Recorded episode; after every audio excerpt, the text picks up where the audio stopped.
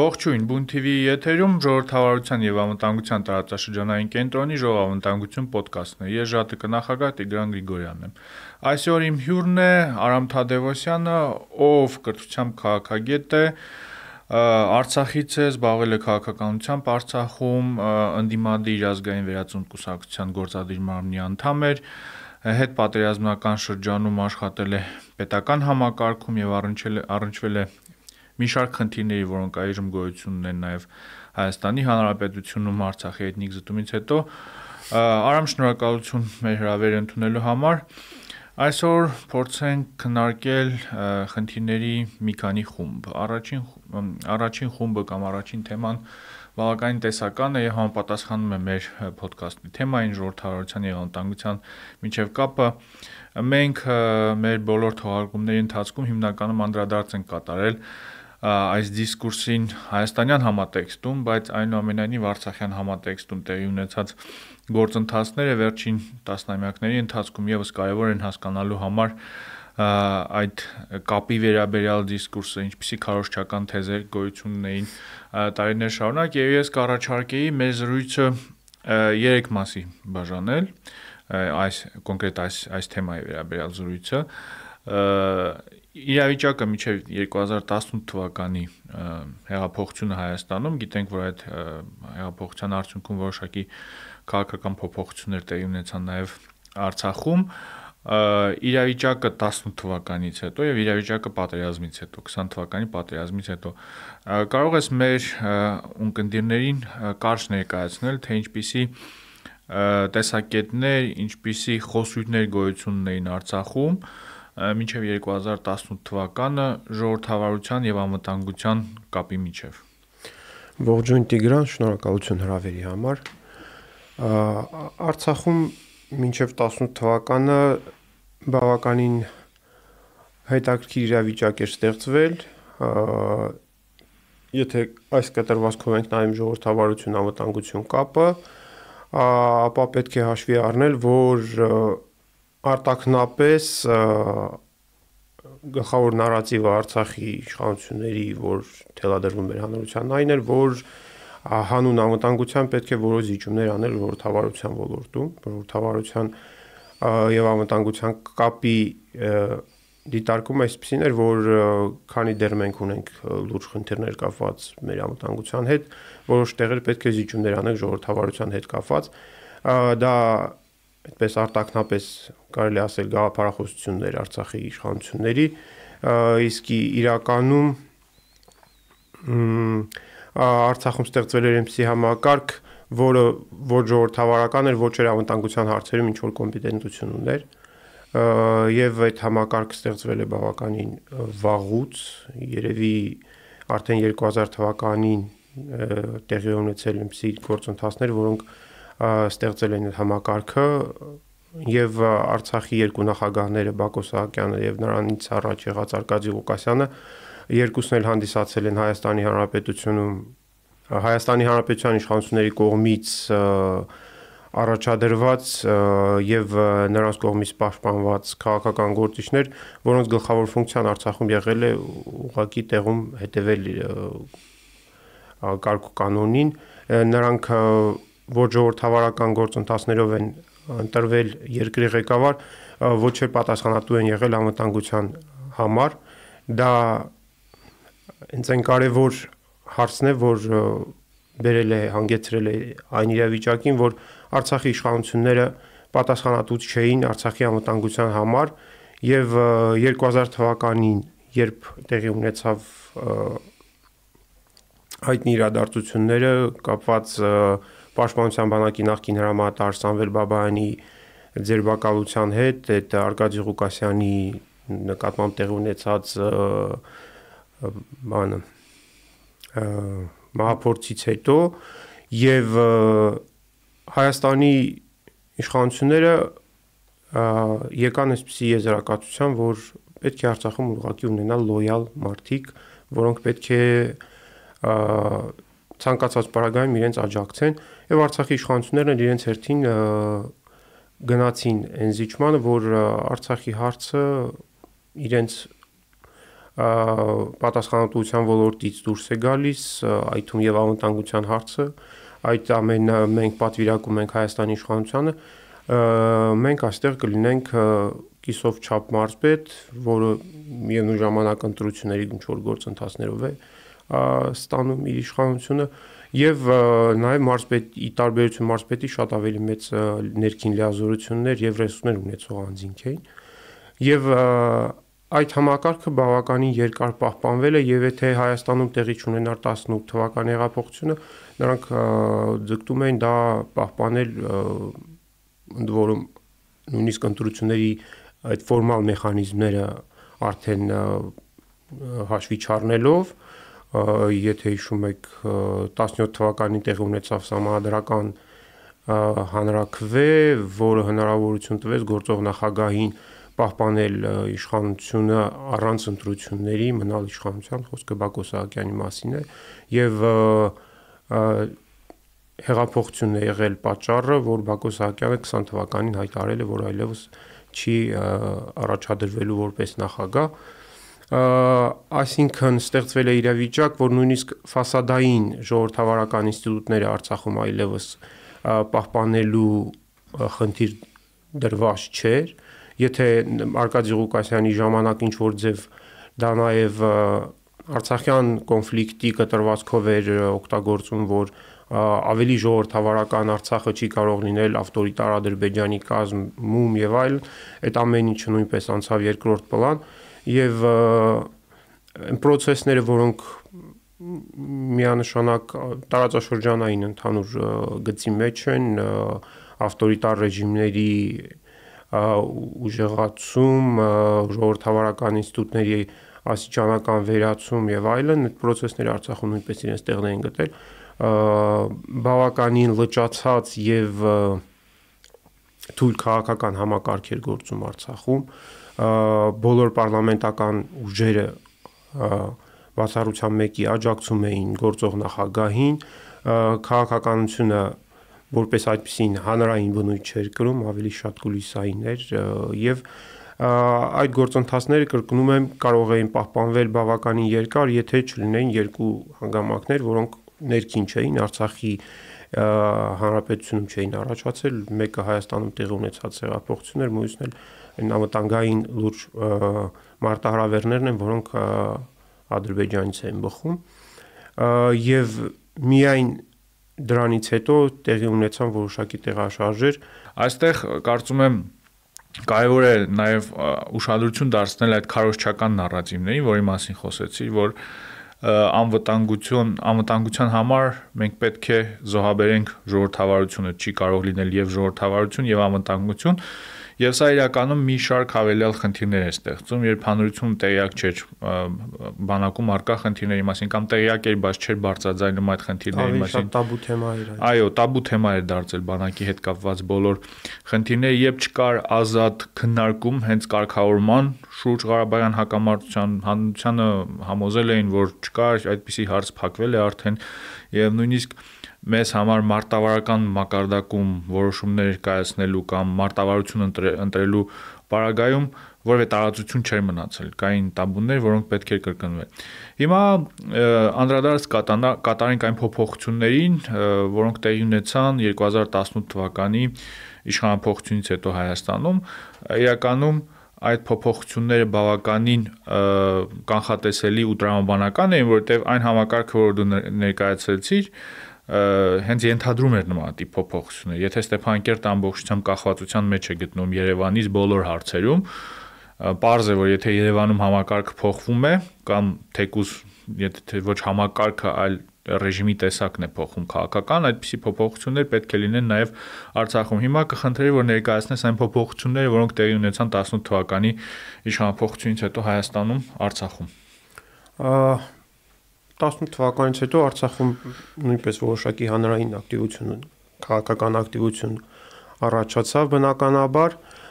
եւ երբ արդեն էր որ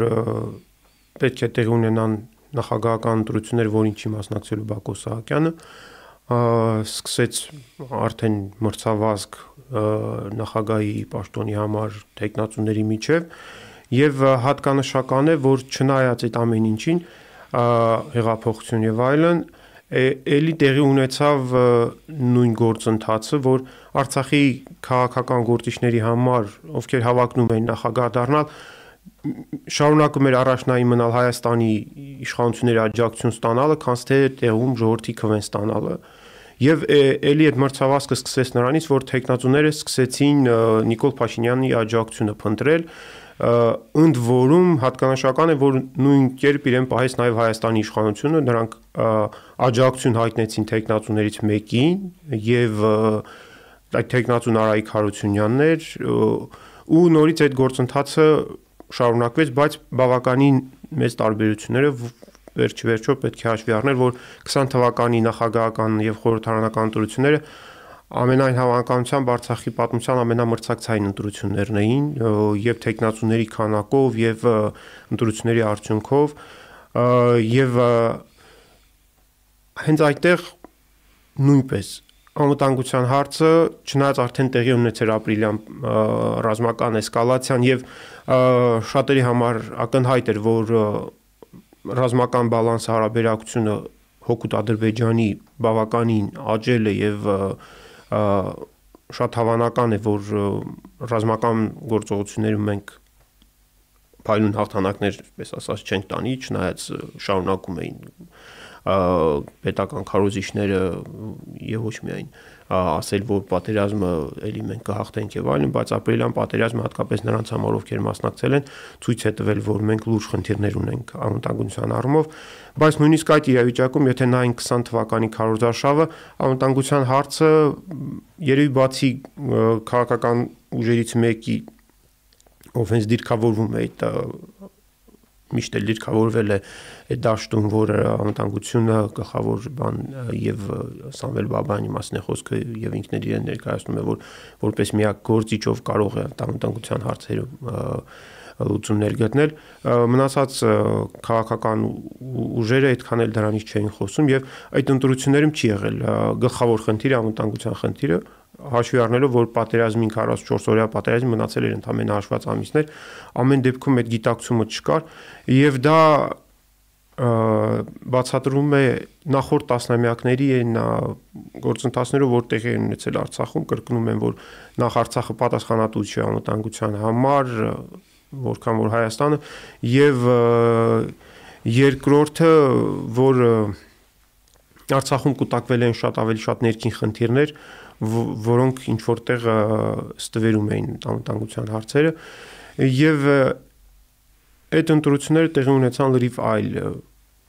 գաղափարների այլ խնդիրների ներքո որոնցից առաջին եղել է սոցիալական հարցը եւ ընդ որում հաղթել են տեխնացուն ով ավելի շատ էր այդ հարցում եւ մասնագիտացած 10 տարի եղել է վարչապետ եւ ավելի շատ էր կարողանում այդտեղ մարդկանց այսօրվա այս պահանջները բավարարել ինչ որ խնդիրներ, որոնք կարելի է լուծել հենց հիմա, չգիտեմ, հայտնի տանիքը փոխելու կամ ինչ որ այլ փոքրիկ սոցիալական աջակցություններ տալու համար եւ հենց այդ տեխնացուն էլ հաղթեց եւ հենց դա էր եղել գլխավոր լեյբ մոտիվը այդ ընտրությունների սոցիալական հարցերը եւ հատկանշական է որ նույնիսկ պատերազմից հետո էլի նա շարունակել է պահպանել այդ ուղղվածությունը եւ էլի Արցախի հանրապետությունը Արցախի կառավարությունը սոցիալական խնդիրներ լուծելու եւ այդ խնդիրները քիչ թե շատ հաջողությամբ լուծելու գործողություններով կարողացել է պահպանել քիչ թե շատ եղած լեգիտիմությունը, ինչը նոնսենս է, հաշվի առնելով ինչ է տեղի ունեցել 44 օրյա պատերազմում։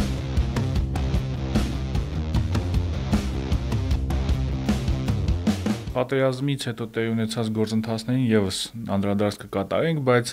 վերադառնալով 18 թվականից հետո տեղի ունեցող գործընթացներին պետք է արձանագրել երկու կարևոր միտում ու երկու կարևոր փաստ։ Առաջին միտումը այն էր, որ այո, քաղաքական ազատականացում տեղի ունեցավ Արցախում, այսինքն քաղաքական դաշտը բացվեց բոլոր դերակատարների համար, այն մարդիկ, ովքեր տարիներ շարունակ հնարավորություն չունեին զբաղվել քաղաքականությամբ, արկա համակարգի պատճառով, այսինքն վտանգների պատճառով, հնարավորություն ստացան մտնել հրաապարակային քաղաքական դաշտ եւ Երբ դու նշեցիր մրցակցային ընտրությունների մասին, հենց առաջին հերթին դրանով էր պայմանավորված, որովհետև դերակատարների թիվը մեծացավ, պայքարը առաջին անգամ կարծես թե ընտրությունները որոշվում էին ընտրություններից առաջ բարձ չէր թե ով է հաղթելու ընտրություններին, որովհետև պայքար կար նաև իշխանության ներսում, այսինքն չկար մեկ կոնսոլիդացված իշխանական բևեռ, որը ընտրություններին մասնակցում էր նախագահի մեկ տեխնացույով, ինչպես դա տեղի էր ունենում 2012-ին, 2007-ին, մինչ այդ Արկադի Ղուկասյանի ընտրությունների ժամանակ այսինքն այս հանգամանքները ստեղծեցին այդ մրցակցային ընտրությունները, բայց այստեղ կարևոր է շատ նաև խոսել Հայաստանի իշխանությունների դերակատարության մասին այդ շրջանում եւ բացասական դերակատարության մասին, որովհետեւ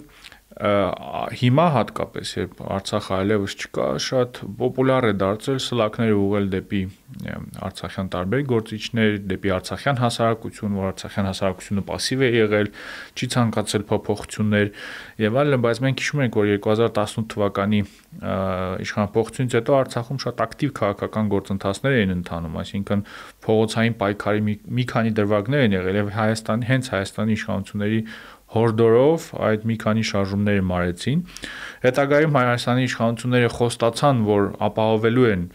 արդար մտնոլորտ ընտրությունների համար, բայց արդյունքում այդ արդար մտնոլորտը չապահովեցին, ինչպես նշեցիր, հստակորեն աջակցեցին տեխնացուներից մեկին։ Ես հիշում եմ նախընտրական փուլում թե ինչպես էր այդ տեխնացուն խոսքը նախագահ Արայիկ Խարությունյանի մասին էր թե ինչպես էր PR-վում հայաստանյան պետական լրատվամիջոցների կողմից նախընտրական փուլում Արայիկ Խարությունյանը Հայաստանի հանրային հերոստատեսությանը առնվազն 3 հարցազրույց էր տվել հանրային հերոստատեսությունը ռեպորտաժներ պատրաստում այն մասին, թե ինչպես է Արցախում կանաչ հեղափոխություն նախաձեռնել Արայիկ Խարությունյանը եւ այդ աջակցությունը Արայիկ Հարությունյանին շատ հստակ էր, նաև տարբեր գործիչների մակարդակում։ Իրականում սկզբնական փուլում որոշակի բանավեճ կար այստեղ իշխող թիմի ներսում, թե ում պետք է աջակցել, կար նաև այլ տեխնացու, բայց արդյունքում այդ թևը հաղթեց, կարելի կարելի ասել օլիգարխիկ թևը հաղթեց եւ Երևանը կատարեց ոչ թե ինչ որ չեզոք արբիտ արբիտրի դեր, այլ Երևանը այդ ընտրություններում կողմ էր։ Եվ Երևանի աջակցությամբ շնորհիվ նաև Արայք Հարությունյանը կարողացավ հաղթել այդ ընտրությունները։ Իհարկե, այդ ժամանակ Նիկոլ Փաշինյանը բավականին մեծ հեղինակություններ եւ մեծ աջակցություններ Արցախում։ Արցախում նույնիսկ հեղինակության հեղինակություն ունեն երբ նա եկավ Ստեփանակերտ ինչքան մարդեր հավաքել եւ ոնց էին նրան դիմավորում Բացի դրանից Արցախում այդ Երևանի աջակցությունը մշտապես գործոն է եղել եւ հասարակությունը կարծում եմ շարունակում էր առաջ շարժվել այդ տրամաբանությամբ առնվազն մարդկանց մի մասը, ովքեր հակված են մշտապես ընտրել իշխանական տեխնացուներին, հենց ցանկանում էին իմանալ ով է Երևանի տեխնացուն եւ Երևանի տեխնացուն այդ առումով շատ հստակ էր թե ով է եւ այս փուլում երբ տարբեր իշխանական քարոզիչներ Հայաստանում մեղադրում են Արցախյան հանրությանը որ այդ տեսեք դուք չեք աջակցել այս իշխանություններին դուք ի սկզբանե դեմ եք այդ իշխանությունների ասես դա ինչ որ նշանակություն ունի այն դեպքերի մեջ որոնք տեղի ունեցան 23 թվականի սեպտեմբերին պետք է նշել, որ Արցախյան հանրությունը պատրաստ էր գնալ քաղաքական փոփոխությունների 18 թվականից հետո առնվազն այդ հանրության մի ակտիվ մասը։ Բայց այդ գործընթացները կանգնեցվել են հենց Երևանի կողմից եւ Երևանը մեծապես նպաստել է որպեսզի 2020 թվականի ընտրությունները լինելով մրցակցային չլինեն արդար։ Այո։ Հիմա փորձենք հասկանալ թե ինչ է տեղի ունեցել 2020 թվականի պատերազմից հետո, ինչպես նշեցիր, պատերազմի պարտությունից հետո իշխանապողություն Արցախում տեղի չունեցավ, ինչպես նաև Հայաստանում։ Արայիկ Հարությունյանը չնայած սկզբնական շրջանում պատերազմից հետո խոստում տվեց, որ հարմար պահին հրաժարական է տալու եւ չի մասնակցելու հաջորդ ընտրություններին, բայց մեծ հաշվով իշխանությունը պահպանեց մինչև հենց 2023 թվականի օգոստոս քո ընկալմամբ հնարավոր է այլ սցենար Արցախում, եթե պատերազմից հետո տեղի ունենար իշխանապողություն, սա մի հարց։ մի քանի հարց փորձեմ խցկել այս հարցի մեջ։ Երկրորդը ինչպես կնկարագրեիչ քաղաքական մտնոլորտը, որը էր Արցախում, որտեղ ընկալմամբ Արցախում 20 թվականի պատերազմից հետո կարծես թե կար ազատություն Այսինքն ես նույնիսկ եթե հետևում էինք հանրային հերոստատեսությունը ինչպես էր աշխատում, հարթակ տրամադրվում էին բոլոր գործիչներին, բազմաթիվ ցույցեր տեղի ունեցան հատկապես սկզբնական փուլում պատերազմից հետո ինչ որ լուրջ քաղաքական ռեպրեսիաներ այնուամենայնիվ չկային, այդ առումով կարծես թե կար ազատություն, բայց չկար արդյունավետ պետություն, որը կարող է առնվազն այն ամենապրիմիտիվ հարցերում որոշումներ կայացնել ու հասնել այդ որոշումների իրականացման։ Անդրադարձ կատարենք այս երկու հարցին եւ վերջում փորձենք ամփոփենք արդեն այս փուլում ավելի ակտուալ թեմայով։ Այդտեղ խնդիր է դրված ինչ որ ձև Ռուսաստանի հետ հասկանալ ինչ ենք անում եւ սկզբնական շրջանում, եթե դիտարկում ենք պատերազմից հետո 21 թվականը, չնայած տեղի ունեցավ այդ հայտնի դեպքը Խծաբերդում այդ մարդկանց գերեվարությունը եւ այդ երկու գյուղերի օկուպացիան Ադրբեջանի կողմից, բայց իշխանությունները կարծում են բավականի դրական էին տրամադրված եւ կարծում էին, որ հնարավոր է ռուսների հետ աշխատել, պահպանել Արցախի հետ մասը եւ այդ եղածը վերակառուցել բնակություն այնտեղ պահել ռուսների հովանու ներքո եւ այդ առումով կարծես թե Արայք Հարությունյանը պիտանի կարող էր լինել էր թե նա կարող է աշխատել եւ ռուսների հետ, նա նաեւ կարող էր ինչ-որ ի տարբերություն շատ գործիչների առանց ավանտյուրաների մեջ մտնելով կարծես թե կարող էր դա ինչ կազմակերպել եւ գործընթացը տևեց մինչև 2022 թվականի սեպտեմբեր երբ եկավ նոր գործիչ Արցախ Արայք Հարությունյանը բերեց եւ պետական նախարար նշանակեց Ռուբեն Վարդանյանին եւ սկսեց նոր քաղաքական process Արցախում նախքին ուժերը, որոնք եկել էին պատերազմից հետո աջակցություն էին հայտնել Արայք Հարությունյանին եւ կառավարությունում եւ պաշտոններ են ստացել, սկսեցին դուրս մղվել հանվեցին պաշտոններից սկսեց նոր նշանակումներ, ընդ որում այդ ամեն ինչը սկսեց կրել բավականին քաոտիկ բնույթ, մարդ կարող էր նախարար լինել, չգիտեմ, մի ամիս կամ երկու ամիս դու փոխանցվել, տեղափոխվել այլ պաշտոնի կամ ընդհանրապես պաշտոն չստանալ, գալիս էր նոր անձե նշանակում եւ այլն եւ այլն, արդեն ակնհայտ էր, որ ինչ որ լուրջ խնդիր կա քաղաքական համակարգը կոլապսի եզրին է եւ դրան գումարված Արցախի շրջափակումը եւ པարզ դարձավ, որ նախագահ ընդհանրապես չի կարողանում ոչինչ վերահսկել եւ այդ ռոտացիաները, որ նա անում է իշխանության ներսում, տարբեր պաշտոնյաների է նշանակում, նախկիներին հանում է նոր մարդ է բերում եւ դրան գումարած Ռուբեն Վարդանյանի հետ առաջացած կոնֆլիկտը արդեն པարզ էր, որ իրավիճակը ամբողջ ավին դուրս է եկել վերահսկողությունից Արայք Հարությունյանը չի կարողանում դա վերահսկել եւ ցավոք սրտի քաղաքական մնացած ուժերն էլ այդ հարցում բավականին անպատասխանատու գտնվեցին եւ տորպեդահարում էին նախագահին կարծում եմ դա այն իրավիճակը չէր որ պետք էր դրանով զբաղվել մենք շատ լավ գիտենք ինչեր է ներկայացնում Արայք Հարությունյան եւ այլն բայց այդ թուլությունը օգտագործել հոգուտ, չգիտեմ, ինչ քաղաքական էֆեմերիկ շատ եթերային շահերի համար եւ եղած լեգիտիմությունն էլ Արայք Հարությունյանի եւ գործող իշխանությունների զորոյացնելը ոչ մի դրական արդյունք կարծում եմ չի տվել եւ այդ կատաստրոֆան տաղետը որ որին հանգել ենք նաեւ դեմակներից մեկը դա է կարծում եմ հնարավոր էր մի քիչ ավելի քիչ պակաս դաժան պայմաններում գոնե կազմակերպել այդ ամեն ինչը, եթե կորցնելու ենք Արցախը, ապա այդքան կյանքեր չտային գոնե։ Այո, այդ շրջանի մասին խոսելիս իհարկե կարևոր հանգամանք նշեցիր այդ ռուսների նկատմամբ անվերապահ հավատը, որը ինչ որ չափով բնական էր նաև, որովհետև պատերազմից հետո པարզ է որ Արցախը ինքնուրույն չէր կարող պաշտպանել, պաշտպանվել Հայաստանը ինչպես նշեցի արդեն արդեն իսկ 20 թվականի պատերազմի արդյունք արդյունքով դուրս էր մղվել ֆիզիկապես Արցախից, պահպանում էր ինչ որ ազդեցություն, ինչ որ կապեր, բայց այդ կապերն էլ էին անընդհատ թուլանում եւ սկզբնական փուլում կարծես թե բնական էր որ մտածողությունը այդպեսին էր, որ ռուսների հետ պետք է համագործակցենք, բայց կարծում եմ այդ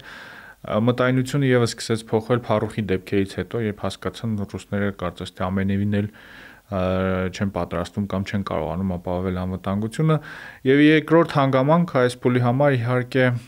այդ պարադոքսալ ներքաղաքական ճգնաժամներ, որը ստեղծվել էր հենց Ռուբեն Վարդանյանի, Արայիկ Հարությունյանի այլ ճամփարների միջև, այսինքն Երևանից երբ հետևում էր այդ գործընթացից, հստակ երևում էր, որ գործընթացը գնում է դեպի աղետ, այսինքն այդ աղետը կարծես թե այլ ընտրանք չուներ եւ Արցախում զբաղվում էին, զբաղված էին ինչ որ ներքաղաքական խաղերով, անհասկանալի նպատակներով մեր թողարկումը մոտեցել է ավարտին, բայց քանի որ դու աշխատել ես Արցախի պետական համակարգում 2020 թվականի պատերազմից անմիջապես հետո եւ մասնավորապես առնչություն ես ունեցել ներքին տեղանված մարդկանց խնդիրների հետ, այսինքն բավականին մեծ փորձ ունես այս ոլորտում, կխնդրեի շատ կարճ խոսել այ այս նոր իրավիճակի մասին, որը ստեղծվել է 23 2023 թվականի սեպտեմբերի իրադարձություններից հետո Արցախի էթնիկ զտումից հետո, ինչպիսի խնդիրներ ես տեսնում կառավարության կողմից վարվող քաղաքականության մեջ, ինչ կարելի է կարելի է ավելի արդյունավետ անել եւ ինչպիսի դասեր կարելի է քաղել օրինակ 2020 թվականի պատերազմից հետո իրականացված գործողություններից։ Կարծում եմ այստեղ կարևոր հարցը այն է թե ինչու Հայաստանի կառավարությունը չի ուզում փախստականների հետ այդ ինստիտուցիոնալ հարաբերությունները ստեղծելիս որոշակի միջնորդներ ունենալ իդեմս Արցախի որոշակի ինստիտուտների բնականաբար չեմ ասում պետք է պահպանել ամբողջ պետական համակարգը դա բացարձական իմաստ է բայց որոշակի ինստիտուտներ ինձ թվում է արժե պահպանել եւ առնվազն տեղական ինքնակառավարման մարմինների մակարդակով պետք է պահպանել, չեմ կարծում, որ դա ինչ որ մեծ միջոցների հետ է կապված։ Ամեն դեպքում պետք է հասկանալ դերևս པարզ չէ ինչ է լինելու քաղաքականությունը արցախցիների հետ կապված վերջնական տարբեր տարբերակ տարբերակներ այդ մի քանի հատ են մեկ կոմպակտ բնակեցնելը կարծում եմ դա այդքան էլ իրատեսական չի լինելու այս իշխանությունների համար եւ երկրորդը ինչպես ենք ինտեգրում Հայաստանում որտեղ ենք ինչպես ենք լուծում նրանց բնակարանային հարցերը